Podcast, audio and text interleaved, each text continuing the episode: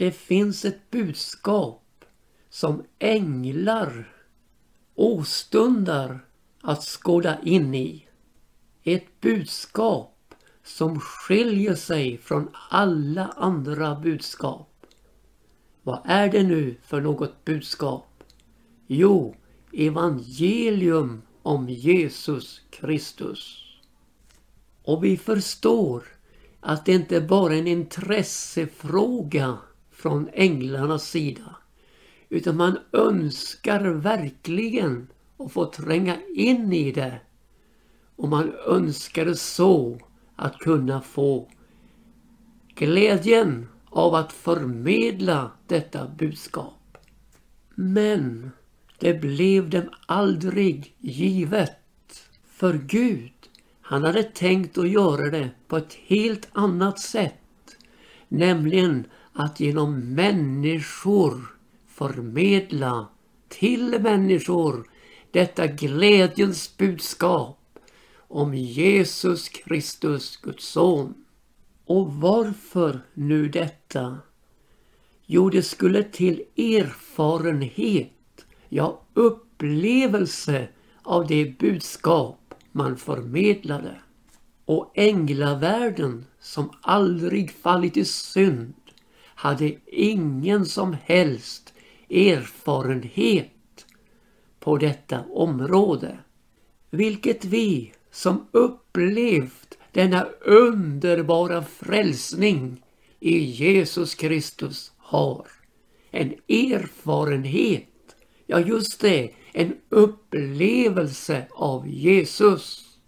Och nu läser vi texten från första Petrus brevs första kapitel och den tionde versen och något neröver. Angående denna frälsning har profeter ivrigt forskat och ransakat det som profeterade om den nåd som skulle vederfaras er. De har ransakat för att finna vilken och hurdan tid det var som Kristi ande i dem hänvisade till när han förebådade de lidanden som skulle vederfaras Kristus och den härlighet som därefter skulle följa. Och det blev uppenbarat för dem att det icke var sig själva utan er som de tjänade härmed. Om samma ting har nu en förkunnelse kommit till er genom de män som i helig ande nedsänd från himmelen har för er predikat evangelium och i de tingen åstundar jämväl änglar att skåda in. Ja, evangelium är inget budskap som fladdrar med vindarna. Inget budskap som påverkats av tidsandens skiftningar. Utan evangelium har sin grundton från det profetiska ordet i Bibeln. Där profeter med Kristi ande fick hänvisa till vad komma skulle. De lidanden som skulle vederfaras Kristus. Men också den härlighet som därefter skulle följa. Och så heter det då så underbart om samma ting. Ja, just det. Om samma ting har nu en förkunnelse kommit till er genom män som i helig ande nedsänd från himmelen har för er förkunnat evangelium. Ja, så har vi då människor som dig och mig som får förkunna detta budskap, evangelium. Dock icke i egen kraft och styrka utan i helig ande nedsänd från himmelen. Ja, visst var det en åstundan hos änglarna att få vara med och skåda in i dessa underbara verkligheter. Och förmedla detta budskap, men det fingo det inte. Men tänk, hör du min vän, att på samma sätt var det för profeterna. Och det heter nämligen i Matteus 13 och 17. Då Jesus säger, ty sannerligen säger jag er, många profeter och rättfärdiga män ostundade att se det som i sen, men fingo dock icke se det, och höra det som i hören, men fingo dock icke höra det. Ja, vi kan förstå hur denna åstundan var så stark i profethjärtarna. Att få se detta, att få höra detta som de talade om, men fingo dock icke höra det. Och så blev det då klart för dem att det var inte dem själva de tjänade med detta, utan oss. Oss som har fått lov att både höra och se in i dessa underbara verkligheter med Jesus och uppleva frälsningen i våra liv. Och sedan få vara med att förmedla detta budskap, evangelium om Jesus Kristus till vår samtid. Evangelium är inte ett uttänkt av oss människor uttänkt budskap. Utan Guds tanke var den här att förmedlandet av budskapet skulle ske genom män och kvinnor som upplevt dess enorma kraft och innehåll. Därför heter det i första Johannes första kapitel och första vers. Det som var från begynnelsen, det vi har hört, det vi med egna ögon har sett, det vi skådade och med egna händer tog och på. Det förkunnar vi. Om livets ord talar vi.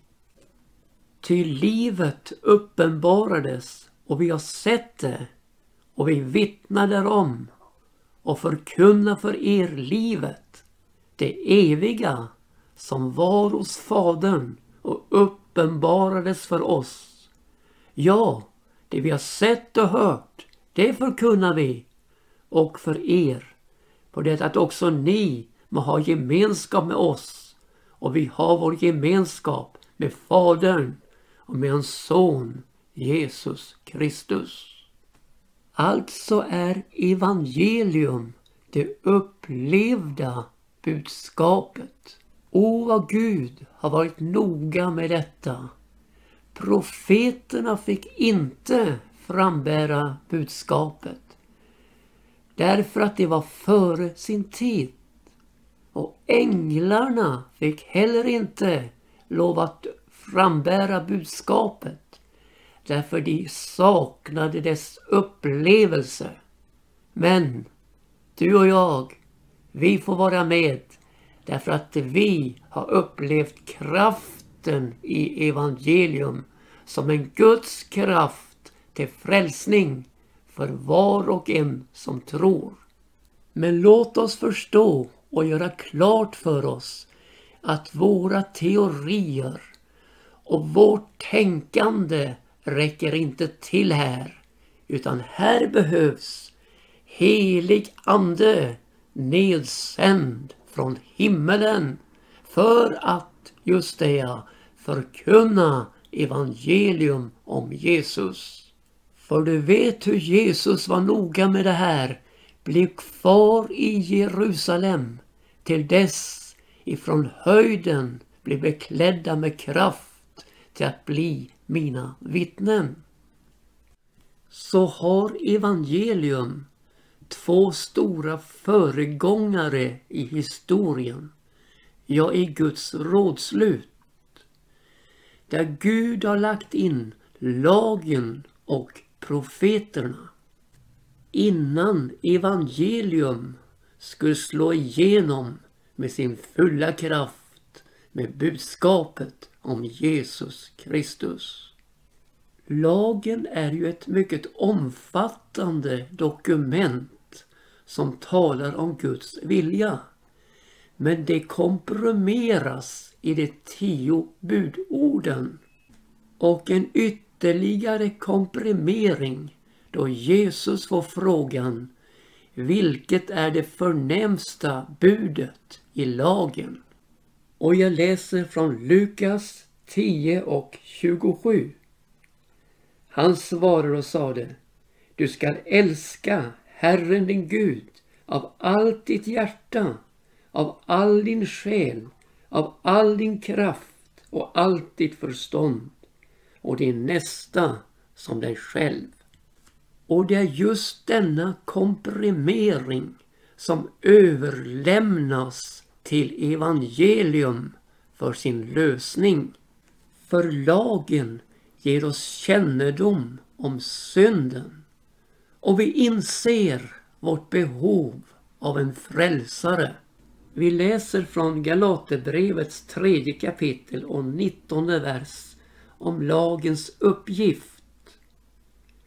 Var till tjänare då lagen?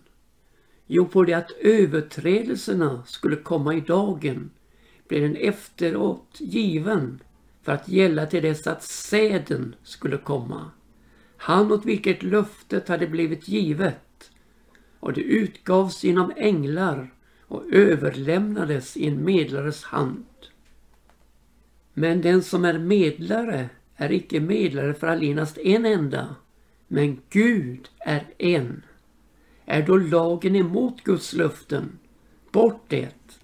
Om en lag hade blivit given som kunde göra levande, då skulle rättfärdigheten verkligen komma av lagen. Men nu har skriften inneslutit allt sammans under synd för att det som var utlovat skulle av tro på Jesus Kristus komma dem till del som tro. Och så ligger det till så här att denna inneslutning av synd den kan endast öppnas upp av evangelium om Jesus. Det heter ju om Jesus. Du ska ge honom namnet Jesus till han ska frälsa sitt folk ifrån deras synder. O, så fascinerande det är. O, så underbart det är att allt som är inneslutet under synd av skriften öppnas upp av namnet Jesus och får sin lösning i honom. Hur går det då med lagen och dess krav? Har lagen något krav? Ja, visst.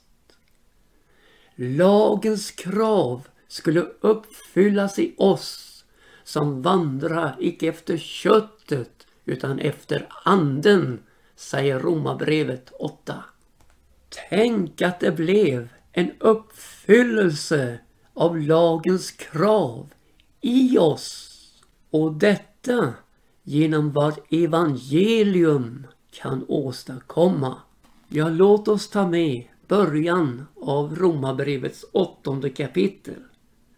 Så finnes nu ingen fördömelse för dem som är i Kristus Jesus. Till livets andes lag har i Kristus Jesus gjort mig fri ifrån syndens och dödens lag. Till det som lagen icke kunde åstadkomma i det den var försvagad genom köttet, det gjorde Gud då han för att borttaga synden sände sin son i syndigt kötts gestalt och fördömde synden i köttet. Så skulle lagens krav uppfyllas i oss som vandrar icke efter köttet utan efter anden. Jag smakar på orden. Det som lagen icke kunde åstadkomma i det den var försvagad genom köttet. Det gjorde Gud då han för att borttaga synden sände sin son i syndigt kötts gestalt och fördömde synden i köttet. Med andra ord, det som lagen inte kunde, det kunde Jesus. Ja, jag får ett halleluja på mina läppar från mitt hjärta när jag tänker på detta. Lovprisningen, ja tacksamheten blir stor när man tänker på Jesus Kristus. Och så har vi då det profetiska ordet. Och vad är nu dess uppgift? Jo, att predika för samtid och framtid om honom som skulle komma. Jesus Kristus. Också det profetiska ordet är ju oerhört omfattande och berör folk och länder, ja en hel mänsklighet med sitt budskap. Men också här så finns en komprimering, en spjutspets som visar hän på Jesus Kristus. Och nu vill jag läsa från Andra Petrus brevs första kapitel och nittonde vers. Så mycket fastare står nu också för oss det profetiska ordet och gör väl om i akten därpå så som på ett ljus som lyser i en dyster vildmark till dess att dagen gryr och morgonstjärnan går upp i edra hjärtan. Men det må ni framförallt veta att ingen profetia i något skriftens ord kan av någon människas egen kraft utläggas. Ty ingen profetia har någonsin framkommit av en människas vilja, utan därigenom att människor drivna av den helige Ande talade vad som gavs dem från Gud. Jo, det profetiska ordet det lyser över en dyster vildmark. Och hur mörk dess beskrivning av synden och dess följder än är, så har den i sig detta ljus som lyser över denna dystra vildmark. Och så gryr dagen och morgonstjärnan uppgår i våra hjärtan. Vad är det för någon stjärna? Jo, det är Jesus Kristus, den klara morgonstjärnan, som genom tron bor i våra hjärtan. Ja, det har verkligen blivit en upplysning av himmelsk karaktär när Jesus flyttade in och tog boning i vårt inre. Alltså visar det profetiska ordet hän mot honom som skulle komma. Och hur gärna hade inte alla dessa profeter och rättfärdiga män velat vara med en dag då Jesus kom till vår jord, då han föddes in i vår värld. För att följa honom på hans vandring ibland oss och se honom på Golgata då han offrar sitt liv för våra synder och får del av den härlighet som därefter skulle följa. Jo, Kristi ande i dem hänvisade till just detta som skulle vederfaras Jesus Kristus. Och de förstod att det här, det hör framtiden till. Och så tecknade de ner dessa händelser som skedde med Jesus på ett oslagbart sätt med de ord som gavs dem från Gud. Och vi får se uppfyllelsen av detta genom evangelium om Jesus. Jag har talat om här att evangelium är upplevelsens budskap. Upplevelsen av Jesus. Men jag vill också dra samman här och säga att evangelium är uppfyllelsens budskap. Romarbrevet 10 och 4 säger Ty lagen har fått sin ände i Kristus till rättfärdighet för var och en som tror. Och denna ände som här talas om ändade i en uppfyllelse av lagen. Jesus uppfyllde lagen till punkt och prickar.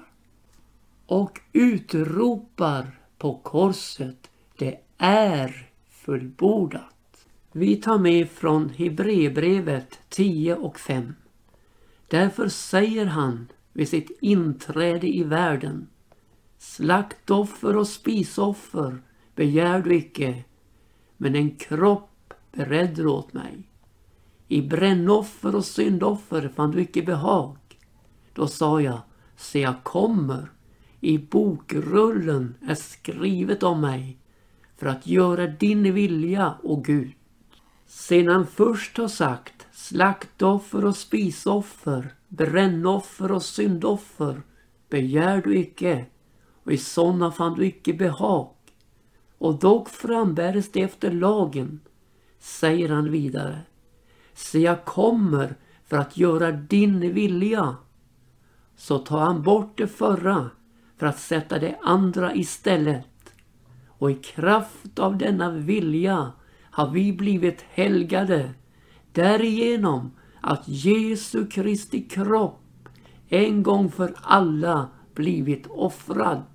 Och tänk att denne underbare Jesus som uppfyllde lagen blir laguppfyllare i våra hjärtan genom sin ande som har blivit oss given. Och så upplever vi hur det förnämsta budet i lagen blir prioriterat genom att Guds kärlek är utgjuten i våra hjärtan genom den helige Ande som blivit oss given. Detta är lagens uppfyllelse på biblisk grund. Och profeterna, de talar med en oerhörd skärpa och klarhet. Så vi känner igen uppfyllelsen i Jesus Kristus i evangelium.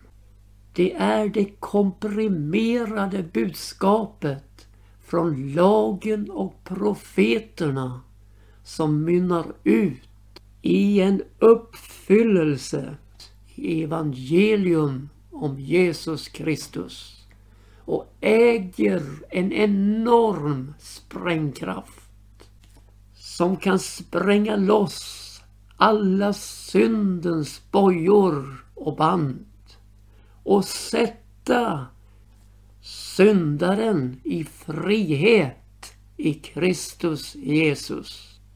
För evangelium, det är frälsningens budskap och förmedlar till oss det enda namn under himmelen bland oss människor givet genom vilket vi kan bli frälsta. Namnet Jesus. Och ger oss möjlighet att åkalla detta frälsare namn, namnet Jesus, till frälsning, till gemenskap med Gud genom Jesus Kristus. Mm.